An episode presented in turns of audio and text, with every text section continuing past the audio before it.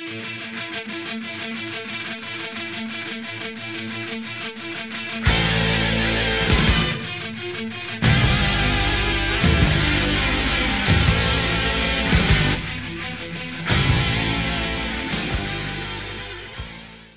und willkommen zu dem Podcast Psychologie auf Fremdsprog.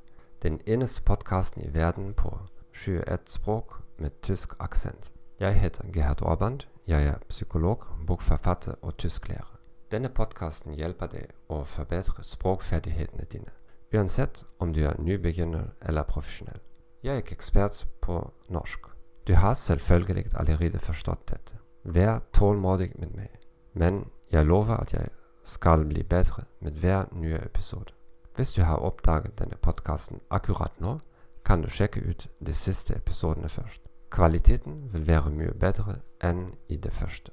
Temaet for dagens episode er dette neuroplastisitet og fremmedspråk. Jeg håper at du ikke gikk glipp av vår siste episode Investeringsfellen i språkopplæring. Du kan finne alle podkastepisoder i arkivet vårt.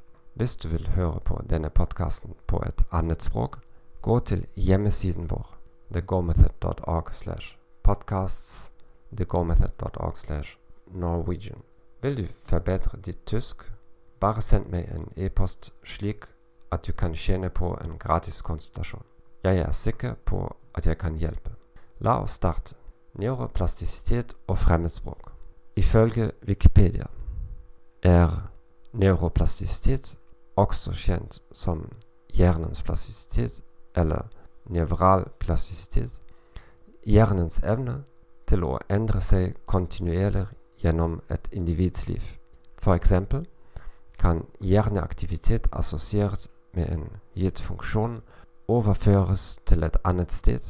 Andelen av gråstoff kan endre seg, og synapser kan styrke eller svekkes over tid. Forskning i siste halvdel av 1900-tallet viste at mange sider av hjernen kan endres, eller er plastiske, selv i voksen alder. Imidlertid viser den utviklende hjernen en høyere grad av plastisitet enn den voksne hjernen. Denne podkasten er for kort til å diskutere forskningen i detalj. Imidlertid kan vi diskutere implikasjonene. Det er to ekstreme kategorier av mennesker, av intellektuelle.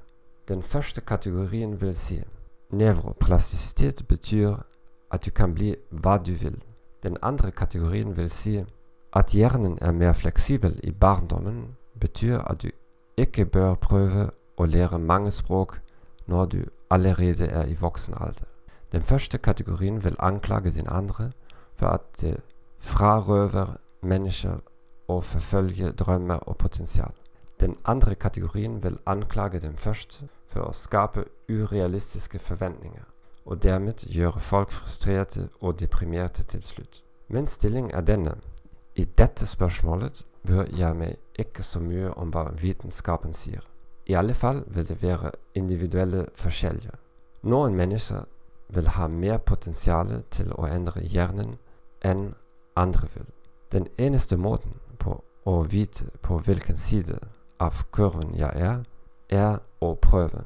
Og selv om en eller annen forsker forteller meg at hjernen min allerede er stiv, hvordan vet jeg at jeg bruker den nåværende hjernen til det fulle potensialet mitt?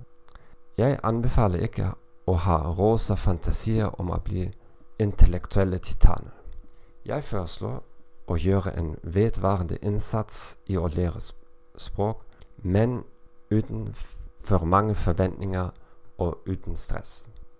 Takk for at du har hørt på podkasten vår 'Psykologi og fremmedspråk'. Jeg håper denne informasjonen var nyttig for deg. Abonner på kanalen vår på Apple Podcast, Spotify, Stitcher eller favorittappen din. Vennligst anbefale oss til dine venner og kolleger. Som jeg lovet før, vil språkdelen, mitt norsk, bli bedre med den neste ukene. Og la meg få vite hva du synes om dagens episode. Bare skriv meg en e-post.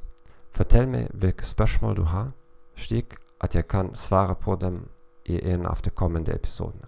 Jeg ønsker deg en fin dag, og farvel.